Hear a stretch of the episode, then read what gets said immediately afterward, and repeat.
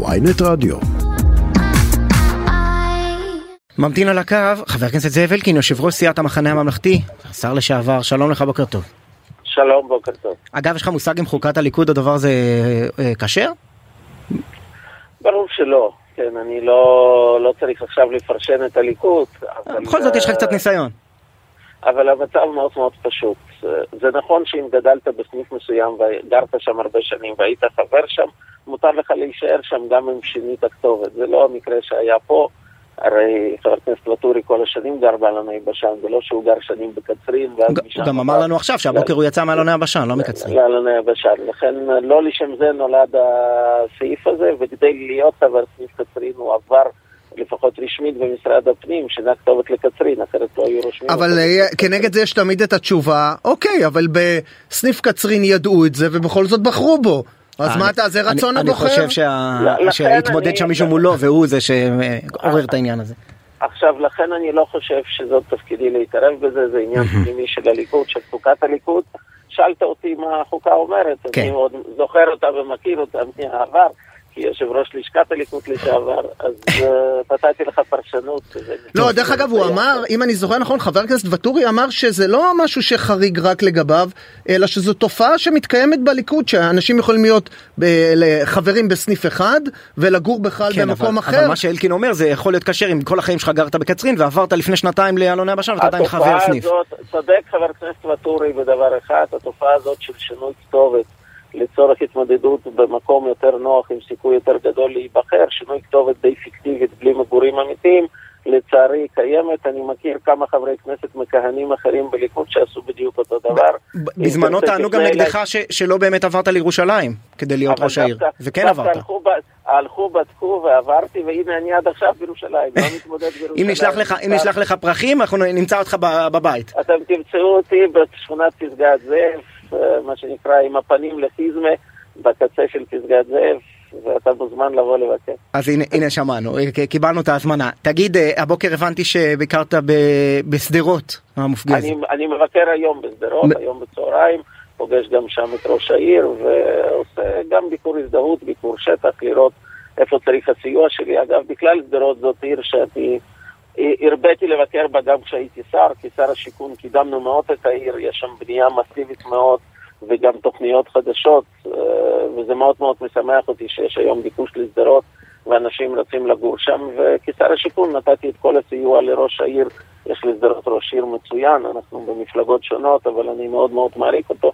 אלון דוידי שמאוד מאוד מפתח את העיר ומקדם אותה. מה ההסבר שלך להתפרצות האחרונה הזאת עכשיו של אה, טילים מעזה? משבר הפיתות? אני לא יודע, אני לא חושב שזה משבר הפיתות. זה שבן גביר יצא פיתה זה נכון, אבל uh, בסופו של דבר uh, יש פה, הרי תראה מה קורה. יש ירי מעזה, היה שלוש רקטות עליי, שלוש כן, ונזכיר שגם לא- בשבוע שעבר היה. זה לפני נכון, הפיתות. זה, זה, זה כבר, אה, לא, אבל זה כבר הופך לשגרה. Uh, הרי דיברו עלינו ממשלה חלש, חלשה, ממשלה שהיא בת ערובה של האחים המוסלמים. בסוף היו שנה וחצי הכי שקטות לתושבי הדרום, וכשהם הרימו ראש פעם אחת היה מבצע עלות השחר, שתוך ימים ספורים נעלמה כל ההנהגה הצבאית של הג'יהאד האיסלאמי, והרימה דגל לבן והמבצע הסתיים מהר מאוד. ולכן כל הדיבורים האלה על ממשלה חדשה, היום רואים מה זה שווה. בסוף הגיעה ממשלת ימין על מלא, ומה אתה מקבל? אתה מקבל אותה מדיניות בנושא של רצועת עזה, רק עם פחות תוצאות, כי כמו שציינתם בצדק, מתחיל טפטוף כבר כמעשה שבשגרה, משהו שלא נתנו לו להרים את הראש. ומצד שני, אתה רואה באירוע של ח'אן אל-אחמר, שמה רק לא אמרו ומה רק לא הבטיחו ואיפה רק לא הצטלמו, בסופו של אבל, דבר אבל, הממשלה... אבל, אבל אותו, אותו דבר נכון לגבי. ח'אן אל-אחמר מביך את כל הימין ב, ב, בבת אחת זה לא משנה איזה צד. אני גם, גם, גם אתם, גם אתם והממשלה אני- ובנט לא, ו- אני וגם אלקין. כולם הבטיחו לפנות את ח'אן אל-אחמר ולא קרה. אני אגיד לך מה ההבדל. אני לפחות, גם כשהייתי חבר קבינט בממשלת נתניהו הקודמת הקודמת, והקודמת הקודמת הקודמת, כשהוא החליט כל פעם לדחות את הפינוי, גם בקבינט וגם בחוץ, דיברתי נגד, כי אני חושב שהנימוקים המדיניים שהוא הביא הם לא מצדיקים מה- הנימוקים. באמת? למה, לאדם הפשוט. שיבין. לא, שנייה, אבל תן לי לסיים את המשפט. אז הייתי בעד פינוי ח'אן אל-אחמר וחשבתי שהתחייה של נתניהו לא נכונה. בממשלת בנט-לפיד, מעל במת הכנסת, כשהצגתי את הממשלה ונתתי את התשובה של ראש הממשלה וראש הממשלה חליפי, ציינתי שדעתי שונה מדעתם. ואני חושב שצריכים לפנות ח'אן אל-אחמר. אבל מה שאמרת, מה שאמרת זה אנחנו עושים כמו נתניהו. לא, לא רק רגע, אבל אני אגיד לך מה מפריע לי. אני מאתמול אחר הצהריים לא שומע, לא את איתמר בן גביר, שפתאום השתתק, איבד כושר דיבור, זה לא קרה לו עוד אף פעם.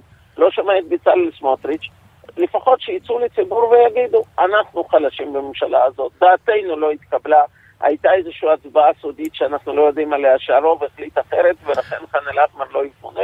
אנחנו נכשלנו, נאבק... חבר הכנסת אלקין, לא אבל... שומעים אותם. אתה, לא שומעים אתה יכול להסביר לנו... למה אף אחד לא מפנה את ח'אן אל-אחמר? זאת אומרת, כל הממשלות שהיו, ואני עכשיו רגע אה, שם בצד את העניין, הם לא בסדר, אנחנו לא בסדר. מה הסיבה שלא מפנים את ח'אן אל-אחמר? אני אומר לו, יש איזושהי טענה מדינית שתהיה ביקורת קשה בעולם כי הוא הפך לסמל. אני לא מקבל את הטענה הזאת, אני יודע בדיוק איך היא נולדה, אין לזה הצדקה אמיתית. ולכן אה, בסופו של דבר האירוע הזה שבסוף מורחים אותנו פה פעם אחר פעם עם הבטחות, הכל התחיל עם התקיעה, אתם זוכרים? שלושה שבועות, כמה נתניהו... כן, אבל, אבל מה זאת אומרת, יש טענה, רגע, כן. מה זה יש טענה? הרי אנחנו נמצאים בקשר רצוף עם האמריקאים, שזה הדבר החשוב מבחינתנו. עובדה שכל ראשי הממשלות לא עשו את זה. לא, הרי האמריקאים, גם אם תהיה נגדנו ביקורת במועצת הביטחון, הם מטילים וטו. אז כשמדברים עם האמריקאים, ואומרים להם, אנחנו הולכים לפנות את ח'אן אל-אחמר, האמריקאים אומרים, לא, אל תעשו את זה? עוד פעם, אני לא יודע, אני לא מדבר עם האמריקאים. אני שמעתי את הנימוקים המדיניים שבזמנו נתניהו הביא לקבינט ולא השתכנעתי. אה, זה בכלל לא היה קשור באמריקאים, היה קשור בעמדתה האישית של התובעת בבית הדין הבינלאומי בהאג, שהיא כבר מזמן לא בתפקיד. כן? כן. היא פעם אחת כתבה משהו על סודה בדוח שלה, היא עזבה את התפקיד, יש היום תובע אחר. לא, והם גם ככה תובעים אותנו בסוף, אבל אז אולי... וגם ככה תובעים אותנו בסוף, אגב אמרתי את זה אז. אבל אם יש קונצנזוס בין ראשי הממשלה, בנט, לפיד ונתניהו, שלא כדאי מדינית לפנות את ח'אן אל-אחמר, אולי האיומים האלה כן רציניים. מעניין אותי איפה היה הקונצנזוס הזה כשנתניהו ואנשיו צרפו שצריך לפנות במשך שנה וחצי ושרק ממשלת האחים המוסלמים היא זאת שמנועה לעשות את זה בגלל לחץ... גם בנט ואלקין אמרו שצריך לפנות את זה במשך שנה וחצי ורק, ורק ממשלת המחדל של נתניהו לא עשתה את זה. יש גם אופציה להיות עקבי. אלקין בממשלת נתניהו אמר שצריך לפנות פומבית, לא רק בחדרים הסגורים. בממשלת בנט-לפיד אמר שצריך לפנות, וגם היום כשהוא באופוזיציה אומר שצריך לפנות. אפשר להיות עקבי בעמדה שלך. לא משנה איפה אתה בממשלה ובאופוזיציה. אז בקיצור אין אף בית פוליטי שמצליח אה, להכיל את הדעות שלך. לא, לא נכון, הבית הפוליטי מצליח להכיל את הדעות שלי, לא תמיד אני מצליח לשכנע בתוך הממשלה. כן, טוב. אבל, אבל לפחות הייתי מצפה מבצלאל סמוטריץ' ומבן גביר, ואגב, מהשר יריב לוין, שר יריב לוין צרח עליי, יש הקלטה מערוץ הכנסת, כששאל שאילתה על פינוי ח'אן אל-אחמר, כמה דחוף צריך לפנות אותו ומיד. איפה היום? למה הוא שותק? למה יריב לוין שותק? כי הוא עסוק ברפורמה. אגב, אגב, הרפורמה, אגב הרפורמה של יריב לוין, חבר הכנסת זאב אלקין. אז, אז, אז בן גביר עסוק בפיתות, אין לו זמן כבר לח'אן אל-אחמר ולירי מעזה. סמוטריץ' עסוק כנראה בתקציב, אז גם לא אין פתאום זמן לח'אן אל-אחמר, זה עתירה שלו אגב, אנשים שוכחים, מי שהגיש את העתירה... עתירה של רגבים מלפני 15 שנה, כשסמוטריץ' עמד בראש הארגון הזה. סמוטריץ' היה המנכ"ל, אז עכשיו הוא צריך ארבעה חודשים לגבש את עמדתו, כי הוא לא, כבר לא, לא זוכר מה עמדתו בעתירה שהוא הגיש לבית משפט העליון. חבר הכנסת, חבר הכנסת זאב אלקין, אגב הרפורמה של יריב לוין, אה, כותב אתמול שמעון ריקלין שיש מגעים מאחורי הקלעים בין המפלגה שלכם, בין אנשי גנץ לבין אה, אנשי הליכוד בתיווך פורום קהלת ומומחים משפטיים.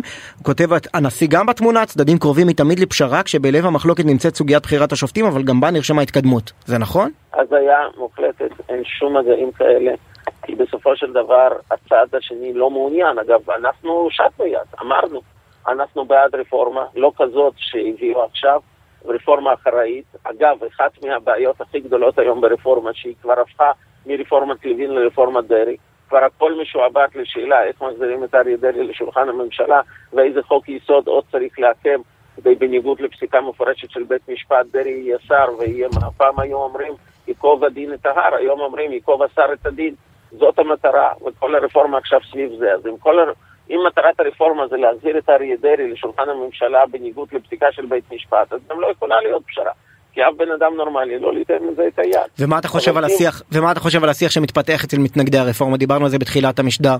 אה, עורך דין אה, בכיר שאומר ניקח נשק ונצא, אה, שלל טורים עיתונאיים שאומרים לא להתפשר בשום פנים ואופן, ניאבק עד הסוף. ראש הממשלה לשעבר אהוד ברק שמדבר על החלטה בלתי לגיטימית בעליל. כל מי שמדבר על לקיחת נשק וחוק לידיים, אני מגנה את זה מכל וכל. גם כל מי שקורא לעזוב את הארץ או להציע השקעות מהארץ, אני, אני נגד זה.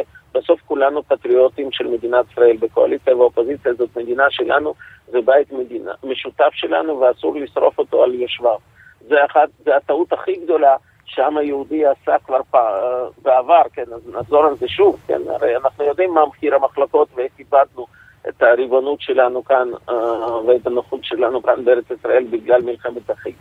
אסור לחזור למקום הזה. יחד עם זה, הרפורמה שמוצגת כרגע היא רעה, היא תפגע מאוד במדינת ישראל, ולכן כל כלי דמוקרטי לגיטימי על פי החוק כדי להיאבק בה הוא לגיטימי והוא נכון. אבל חבר הכנסת אלקין, אומרים מהצד השני, וסליחה על הביטוי, בסדר, הכלבים נובחים והשיירה תעבור, לא מעניין אותנו מה אתם צועקים באמצעים הדמוקרטיים שלכם.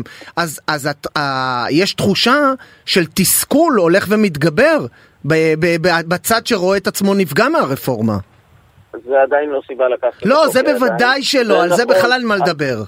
עכשיו, זה נכון שבצד של הממשלה עושים טעות קשה באמירה הכלבים נוחים והשיירה עוברת. למה?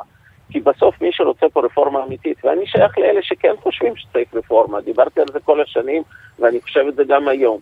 הוא צריך להיות מעוניין ברפורמה שתבוא באיזושהי הסכמה, כי אחרת מה יקרה? אבל הם אומרים שהיד שלהם מושטת ואתם דוחים אותה, אתם אומרים שהיד שלכם מושטת והם דוחים אותה, אז אולי כן באמת יש מגעים מאחורי הקלעים. תהיה פה ממשלה אחרת, היא תבטל את הרפורמה שלהם. אז אם מטרה לסמן וי, לדווח למתפקדים, עשיתי רפורמה, ומחר היא כבר לא תהיה.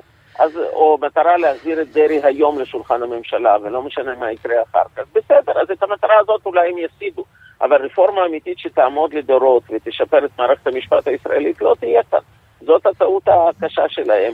Uh, הרי כולם רואים מי לא מוכן לדבר בו, בחייך, הרי אין שום נכונות לפתוח שום נושא ושום סעיף. האמירה תבואו לוועדה, תדברו, כל מי שמכיר איך הכנסת עובדת, אנחנו באים לוועדה ומדברים, הרי שמחה רוטמן מצפצף על זה אחר כך, הרי אין לזה שום משמעות.